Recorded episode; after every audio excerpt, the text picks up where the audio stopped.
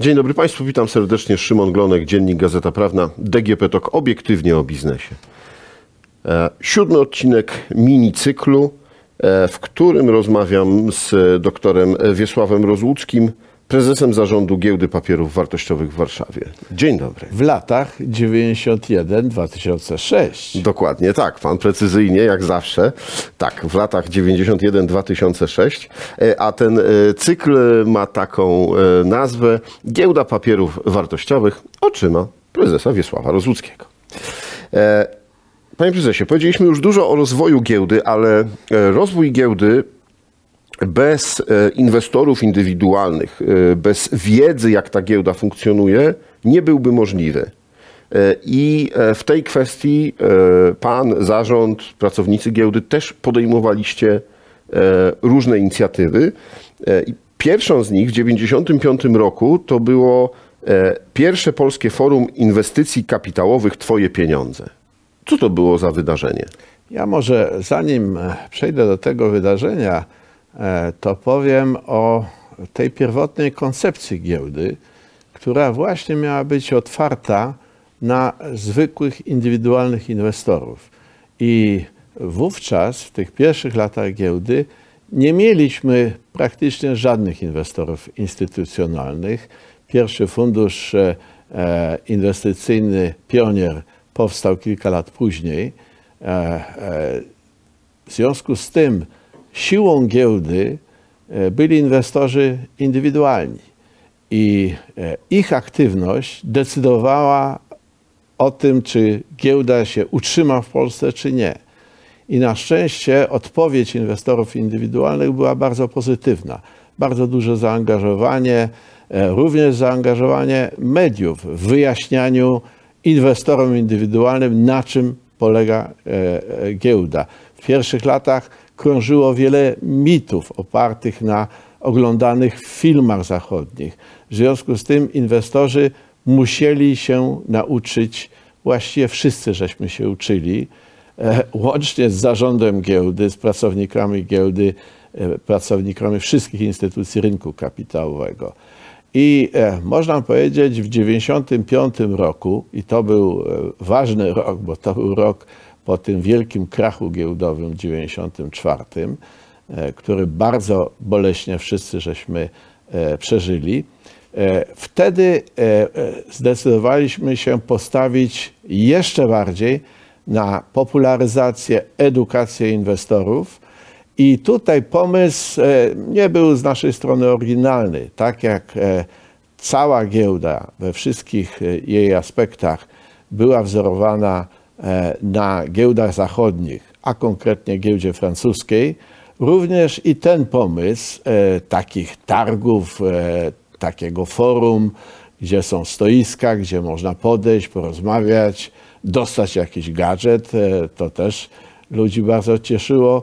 E, I ta pierwsza impreza została w bardzo udany sposób e, zorganizowana, zg- zorganizowana w Pałacu Kultury i Nauki w Warszawie. E, e, Kilkadziesiąt e, e, stoisk, e, olbrzymia frekwencja, e, wejście e, za darmo, e, więc e, ta impreza była kontynuowana przez następnych kilka lat e, i cieszyła się bardzo dużym powodzeniem. E, Ja osobiście e, właściwie cały czas przez te, już nie pamiętam, chyba e, dwa dni, może nawet dłużej, kiedy to trwało, byłem tam obecny. Były różne konferencje, to nie tylko stoiska, ale dyskusje. Wtedy dyskusje wśród inwestorów indywidualnych były bardzo burzliwe. Można było się nauczyć polemiki w czasie takich dyskusji i poznać, e, jakie myśli niesamowite e, są w głowach A niektórych dopytam, inwestorów. bardziej inwestorzy dyskutowali między sobą e, z prezesem giełdy, czy z prezesami spółek giełdowych? E, Ja myślę, że e, no, głównymi, e, e, e, głównymi wystawcami, że tak powiem, uczestnikami były e, instytucje finansowe, domy maklerskie, ale też byli emitenci, czyli e, spółki giełdowe. I tam również zadawano pytania, e, z tym, że tutaj trzeba uważać, panie redaktorze, ponieważ każda informacja ze strony spółki giełdowej jest, może się okazać informacją cenotwórczą. A wprowadziliśmy od samego początku zasadę, że wszelkie informacje e, ze strony spółek, które mogą wpłynąć e, na ich kurs giełdowy, powinny e, e, być e, przekazywane w trybie regulowanym, tak żeby nikt nie miał lepszych informacji. No i wyobraźmy sobie, że e, na takim forum jest prezes spółki, ktoś go e, pyta o plany, e, tenże prezes e, odpowiada tylko temu inwestorowi i ten inwestor ma jakiś e, no, tak zwany e, insider information, czyli wewnętrzne informacje, z tego korzysta. No, tego nie powinno być, więc e, zawsze trzeba uważać e, i No, przeka- dla takiego prezesa byłoby to obarczone sankcjami, dla inwestora byłoby to e, zbawienne, bo by mógł No, zarobić. e, zbawienne do czasu, e, e, gdyby mu nie udowodniono, że e, można powiedzieć, dokonał transakcji w oparciu o poufne informacje. To od samego początku e, było nie tylko naganne, ale i też karalne. Mhm. E, Przez następne lata forum się odbywało, ale tej edukacji było potrzeba więcej. I w 1999 roku powstaje szkoła giełdowa. Tak, to, to jest również inicjatywa wzorowana na, na e, doświadczeniach francuskich.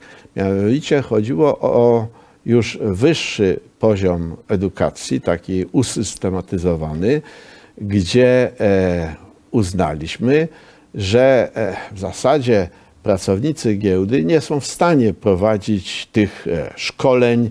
One były przedtem prowadzone, że, że było jasne, ale takie systematyczne kursy e, kilkunastotygodniowe, to jednak już trzeba e, e, prowadzić przy pomocy e, wyższych uczelni, uniwersytetów, szkół wyższych w Polsce. I, I do tego programu zaprosiliśmy e, kilkanaście, właściwie wszystkie chętne uczelnie. E, Koniec końców e, to już była prawie dwudziestka tych e, uczelni w całym kraju, E, ale program był e, bardzo e, jakby mocno regulowany, to znaczy e, nie można było dopuścić, żeby wykładowca jakiejś uczelni mówił o swoich e, poglądach, przedstawiał może nawet i lepsze koncepcje.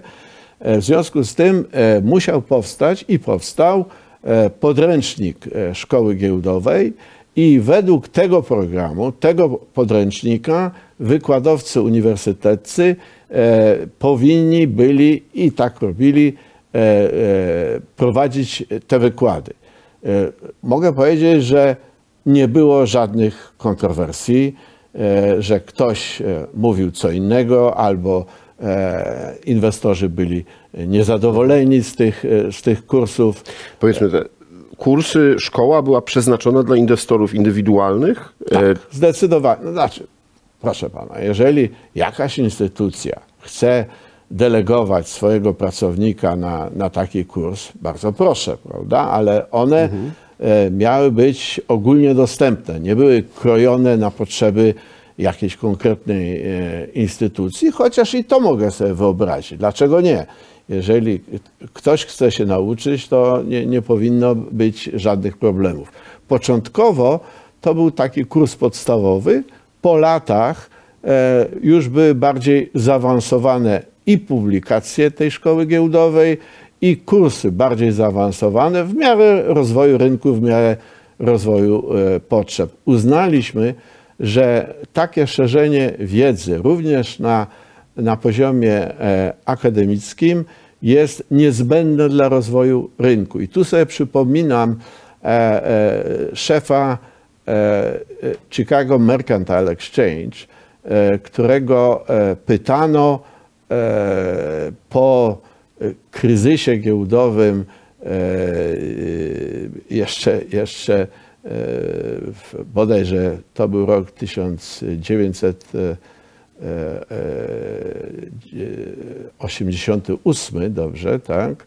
E, e, Dlaczego oni współpracowali z wyższymi uczelniami? E, I odpowiedź była taka.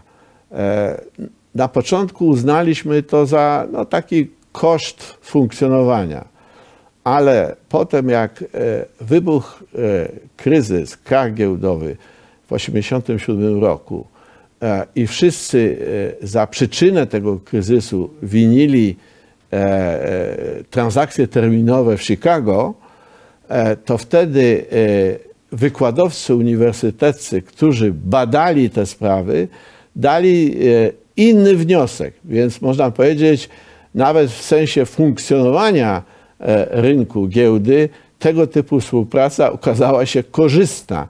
Nie tylko dla inwestorów, ale także dla osób prowadzących giełdę. Także co do tego byłem przekonany, że że wciągnięcie w edukację wyższych e, uczelni jest korzystne. Zresztą dzisiaj już bez, nawet bez specjalnych zachęt e, e, tego e, typu wykłady są prowadzone, ponieważ in, e, studentów to bardzo interesuje. E, To ja jeszcze zapytam o jeden element rynku, no bo są, e, jest prezes giełdy, zarząd pracownicy, e, są inwestorzy indywidualni, no, są domy maklerskie, ale w nich maklerzy. Tak. To też muszą być ludzie wykształceni i przygotowani do tego.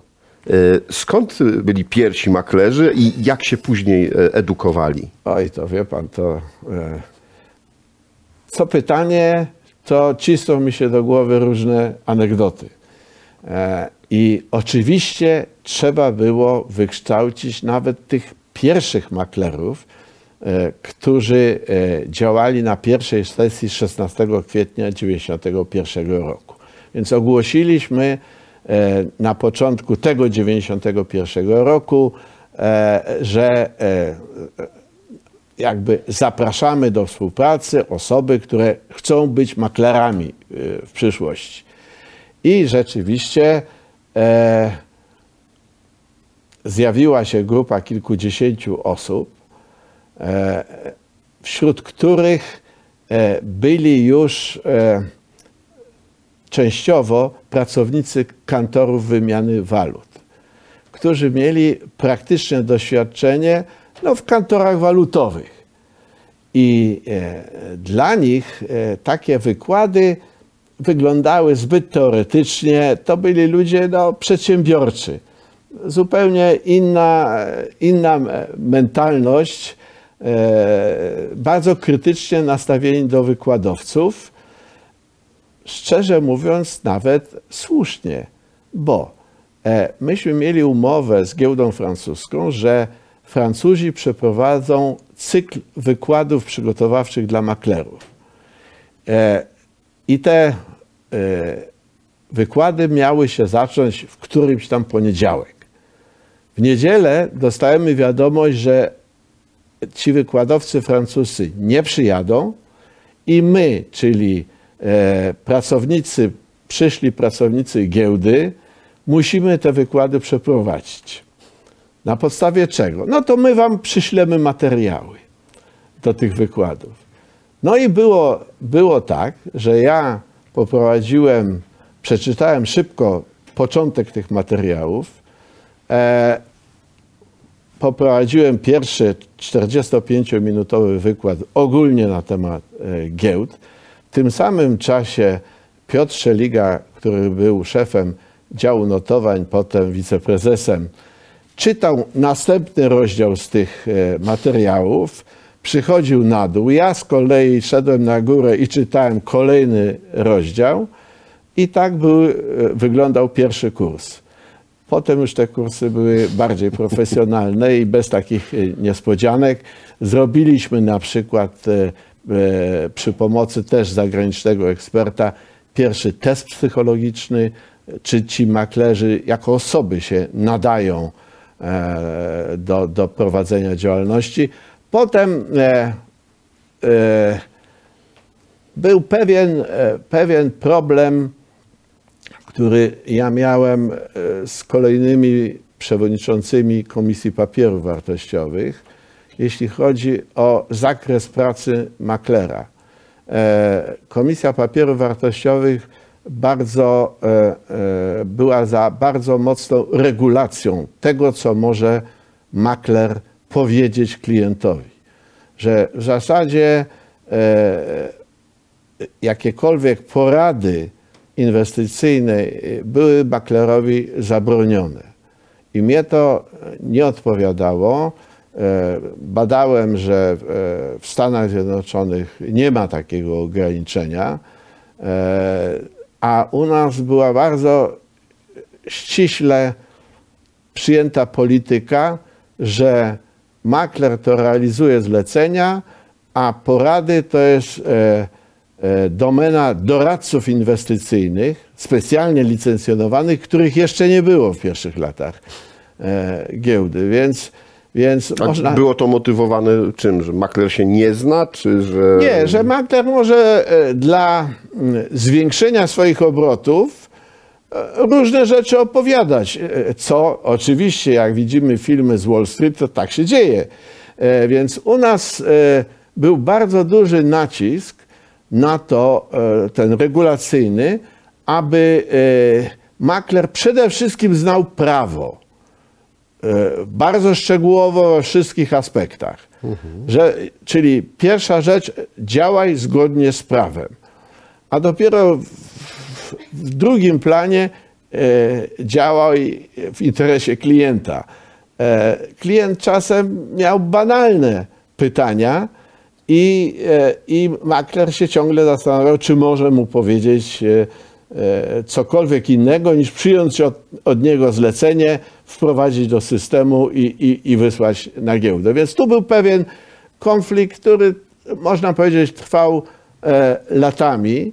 E, ja nawet e, po wielu latach e, takie ukułem takie e, no, taki termin maklomat, że u nas makler właściwie jest takim tylko mechanizmem do przyjmowania zleceń, czyli mm, nie może nic powiedzieć, nie może nic doradzić, no więc bardzo łatwo może być przez automat e, e, zastąpiony, co zresztą nastąpiło, jak się zaczął handel on, online internetowy, no to dzisiaj przez 90% e, wszystkich transakcji jest prowadzonych indywidualnie przez, e, przez e, klienta na swoim domowym komputerze lub na telefonie. Więc, dzisiaj interwencja e, maklera e, w ten proces już jest w ogóle e, niepotrzebna.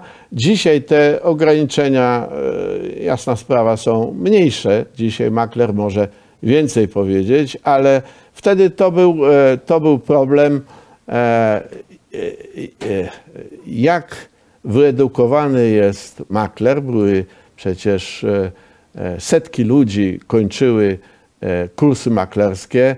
E, Zawód maklera był bardzo prestiżowy wśród e, młodych, młodych ludzi.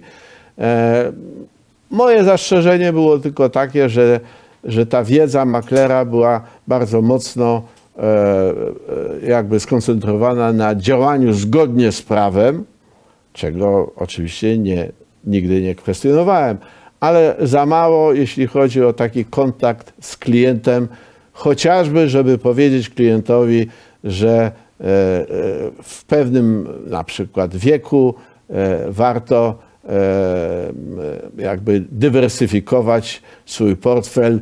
E, Im człowiek starszy, tym powinien inwestować w bardziej bezpieczne instrumenty. No to jest taka wiedza elementarna, ale nawet tego się maklerzy w pierwszych latach obawiali doradzać. E, No dobrze, panie prezesie, przejdźmy do następnego bardzo dużego tematu. E, Prywatyzacja. Albo na początek, to zanim jeszcze była mowa o prywatyzacji, to e, alianse giełdowe. W 2000 w 2000 roku powstaje Euronext. I wtedy w Polsce zaczyna się debata, żeby dołączyć, żeby być w tym gronie nawet założycieli. E, Jak to wyglądało Troszkę inaczej. Teraz, strony? teraz wie pan, tak e, szukam w pamięci. E, chyba Euronext rok wcześniej e, powstał, w 99. E, to już mniejsza, w dzisiejszej perspektywy mniejsza o to.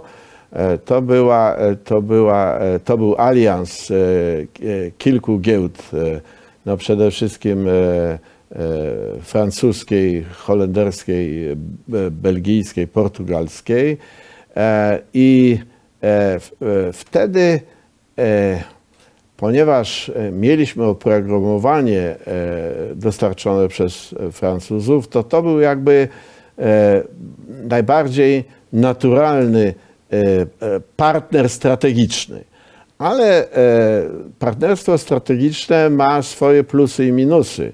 Bardzo szczegółowo rozmawiałem z uczestnikami tego aliansu, potem Euronextowego i e, można powiedzieć, były różne zdania.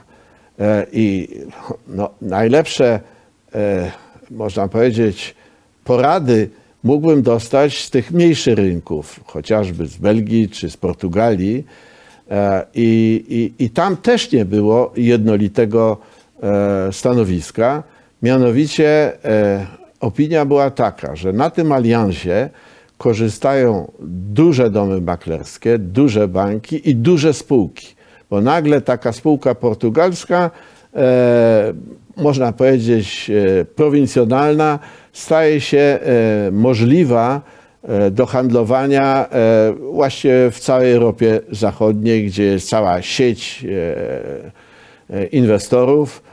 Natomiast małe spółki, te portugalskie czy belgijskie, miały kłopoty e, z e, jakby one technicznie mogły być handlowane, tylko e, Nie wzbudzały skali- takiego o zainteresowania. to chodzi, małe spółki. I tutaj, tutaj mieliśmy od samego początku, ja również osobiście, pewne, pewne wahania. Czy skorzystać z dołączenia się do tej dużej e, sieci, e, właściwie globalnej, prawda, gdzie e, dostęp inwestorów jest niejako automatyczny, e, czy jednak e, pozostać giełdą niezależną. Proszę pamiętać, że pod koniec lat 90. zaczął się nigdzie przedtem nie, nigdy przedtem nie notowany proces konsolidacji wszystkich giełd. To nie tylko Euronext powstał, potem powstał sojusz giełd skandynawskich, e, zresztą związany potem z, e, z, e, z amerykańskim Nasdaqiem. E, inne giełdy też próbowały się dołączyć do tych aliansów, także to był czas aliansów. E, U nas e, e, na początku lat 2000 e, jakby powstała koncepcja taka częściowego dołączenia się e, e, do tych e, sojuszów międzynarodowych, czyli dyskusja na temat prywatyzacji trwała i każda prywatyzacja jest zawsze bardzo kontrowersyjna, to trzeba jasno powiedzieć, i giełdy również. Więc przez te kilka lat pierwszych lat dwutysięcznych szukaliśmy koncepcji. I zarząd giełdy e, e, był skłonny do e, przede wszystkim prywatyzacji, częściowej prywatyzacji i tak, aby część akcji była dostępna na rynku publicznym, a część akcji była objęta przez inwestora strategicznego, najlepiej którąś z giełd, ale nie więcej niż 25%. Czyli mówiąc inaczej, ktoś wchodzi na udział mniejszościowy i będziemy mogli obserwować praktycznie, czy e, e, działanie, zachowanie czy korzyści e, z tego e, wejścia mniejszościowego są wystarczające, aby w przyszłości móc e, powiększyć ten udział i stać się już częścią większego holdingu. Czyli e, koncepcja taka wejścia na próbę z mniejszościowym udziałem. Można powiedzieć, prywatyzacja każdej instytucji, zwłaszcza giełdy, jest na tyle kontrowersyjna, że do czasu mojego ustąpienia z giełdy, z zarządu, właściwie e, kończyło się na dyskusjach e, zaawansowanych, e, różne koncepcje, ale żadnych, żadnych decyzji nie, nie, do żadnych decyzji nie doszło. Ja tego specjalnie nie żałuję, no bo to zawsze tego typu decyzje strategiczne są ryzykowne. E, to jak już jesteśmy przy tym temacie, to powiem, że przeczytałem jedną wypowiedź e, Jacka Sochy, e, który przy pana odejściu wypowiadał się bardzo dobrze i powiedział, że jedyny zarzut, który mógłby do pana mieć jako wieloletniego prezesa giełdy, to to, że nie doprowadził pan do prywatyzacji. No i widzi pan, to znaczy Jacek Socha, mój przyjaciel, nawet lepiej ode mnie wiedział i wie, że o prywatyzacji nie decyduje prezes zarządu, tylko główny akcjonariusz. Minister był, Skarbu. Minister Skarbu. Akurat Jacek Socha był tym ministrem e, Skarbu, więc e, owszem, zarząd może proponować coś, ale decyzja jest po stronie akcjonariuszy. Jeżeli nie ma woli, chociażby woli politycznej, to nigdy taka decyzja nie powstanie. Ja e, jeszcze raz mówię, e, nie za bardzo żałuję tego, że, że, że to nie nastąpiło. Zawsze w takim procesie są różne niezamierzone konsekwencje. E, jednej rzeczy żałuję bardzo, to znaczy, że w 2004-2005 roku zaczęła powstawać koncepcja takiej specjalnej fundacji, którą nazwaliśmy Warsaw City e, i e, ona e, miała być wzorowana na wzorcach brytyjskich, francuskich, niemieckich. W każdym z tych głównych ośrodków, Londyn, Paryż, Frankfurt, jest specjalna fundacja promująca to miasto jako centrum finansowe. Również w Mediolanie, e, nawet w mniejszych e, miastach. I w Warszawie tego nie było. Koncepcja była taka, aby w momencie, kiedy prywatyzacja giełdy się zacznie, myśmy przez lata zgromadzili kilkaset milionów e, niepodzielonego zysku, więc było co dzielić. I koncepcja była taka, że część tych, tego naszego majątku zostanie przekazana do fundacji, w której byliby wszyscy uczestnicy rynku kapitałowego, e, również Skarb Państwa, ale pozostali uczestnicy również i ta e, fundacja mająca majątek na przykład kilkadziesiąt milionów złotych e, mogłaby finansować wszelkie konferencje, fora inwestycyjne w Warszawie. Tak jak dokładnie to robią w tych instytucjach e, właśnie e, City londyńskie, czy w Paryżu Euro, Euro już za, nie pamiętam, Europlast to się tak nazywało, a, a we Frankfurcie Finanzplatz. Więc każda, każde miasto miało taką swoją fundację, a Warszawa nie. No i, i mieliśmy nawet już opracowaną koncepcję, takie piękne logo, E, powstało. I?